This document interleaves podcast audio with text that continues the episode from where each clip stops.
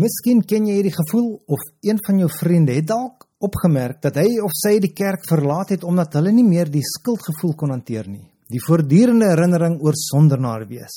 En ongelukkig gebeur dit soms met mense waar die skuldgevoelens in die kerkbywoning al hoe groter geword het.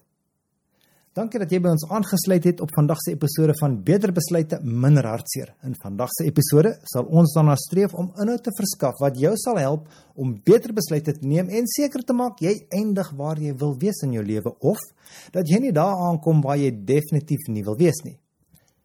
Nou die mense of vriende of familie wat dalk nie meer godsdiens bywoon nie, want hulle wil die boodskap van sonde nie meer hoor nie. Laat ons 'n bietjie ander areas gaan bekyk of lig laat skyn wat 'n ander gevoel kan uitlok. Maar laat my dalk eers begin met 'n grap wat ons 'n bietjie in die tema sal bring. 'n Dokter, 'n ingenieur en 'n prokureur het gedebatteer wie se beroep die oudste was. Nou die dokter het gesê dit is duidelik 'n mediese 'n chirurgiese prosedure hoe die mens geskep is. Nee, sê die ingenieur. Nee, nee, nee, die wêreld is deur God uit chaos geskep en 'n mens moet 'n ingenieur wees om die wêreld te skep. Maar wag, sê die prokureur, waar dink jy het daardie chaos vandaan gekom? ja, prokureur skep wel baie chaos, want die aard van hulle beroep behels die chaos van gebroke wette en die gevolglike gebroke lewens. Die kompleksiteit van die wet is so groot omdat soos 'n bekende regter uit die FSA skryf, Ons het 50 miljoen wette wat probeer om 10 gebooie af te dwing. Maar daar is nie net wette nie. Daar is ook vrugte van die Gees. Paulus noem 9 dinge wat hy die vrug van die Gees noem en hy eindig met hierdie stelling: Teenoor sulke dinge is daar geen wet nie. Wette is om mense te weerhou van sekere gedrag, maar dit is nie nodig om van hierdie 9 dinge te weerhou nie.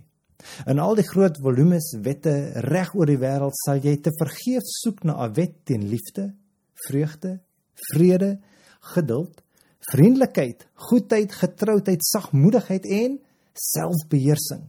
Dit is dus nie waar dat alles wat goed is of onwettig is of vetmaaklik is nie. Nee, een van hierdie 9 vrugte sal 'n pond by jou liggaam voeg of enige skuldgevoelens by jou gewete voeg nie, want daar is niks onwettigs nie. Daar is geen behoefte aan wette om die groei van hierdie vrug te beheer nie. Want in teenstelling met die dade van die vlees, maak hierdie dade en gesinhede mense geen sin seer nie. Hulle help en genees en hulle voeg skoonheid en plesier by alle verhoudings. Hulle vrugte is 'n voorsmaakie van die hemel en die doel in hierdie lewe is om 'n tuin te word waar hulle in oorvloed groei. Vrugte is 'n baie positiewe woord want dit laat ons dink aan die beelde en heerlike en smaaklike kos wat ons geniet. God het die wêreld begin met 'n baie gesonde omgewing want die basiese voedsel was vrugte in die tuin van Eden. Vrugte is basies vir die goeie gesondheid van die liggaam. Die Bybel eindig ook met vrugte as die sleutelvoedsel want in die Bybel lees ons van en sien ons die boom van die lewe. As die Bybel met vrugte begin en eindig, behoort dit 'n goeie leidraad te wees oor wat 'n gesonde dieet in die oë van God is. Daar is nêrens 'n beeld van die paradys wat nie vrugte as 'n groot faktor in sy skoonheid en plesier insluit nie. En kyk, al is jy nie selfs, al is jy nie meer aktief in die kerk nie en jy het vergeet om die Bybel te lees, verwaarloos om te bid, ons laat ons eerlik wees. Sodra jou vriende byvoorbeeld agter jou rug sou praat, sal jy selfs dan wil hê hulle moet praat oor jou goeie eienskappe. Is dit nie waar nie? jy wil hê mense moet sê jy is vriendelik, vrygewig. Dalk wil jy selfs meer selfbeheersing vir jou gesin toon, veral teenoor jou kinders of ten minste vir daardie bestuurder wat jou in die verkeer afgesny het, wat jy nie eens ken nie. en hierdie gevoel kom wanneer jy selfvertroue het en 'n stewige fundament en jy baseer jou geloof, jou waardes op byvoorbeeld die Heilige Bybel. Bybelse vreugde is meer as 'n gelukkige gevoel. Dit is 'n blywende emosie wat voortspruit uit die keuse om te vertrou dat God se belofte sal nakom. Bybelse vreugde is meer as 'n gelukkige gevoel. Daar is 'n blywende emosie wat voortspruit uit die keuse om te vertrou dat God sy belofte sal nakom. En vreugde is 'n algemene tema in die Bybel. Hier is 'n paar skrifgedeeltes daaroor.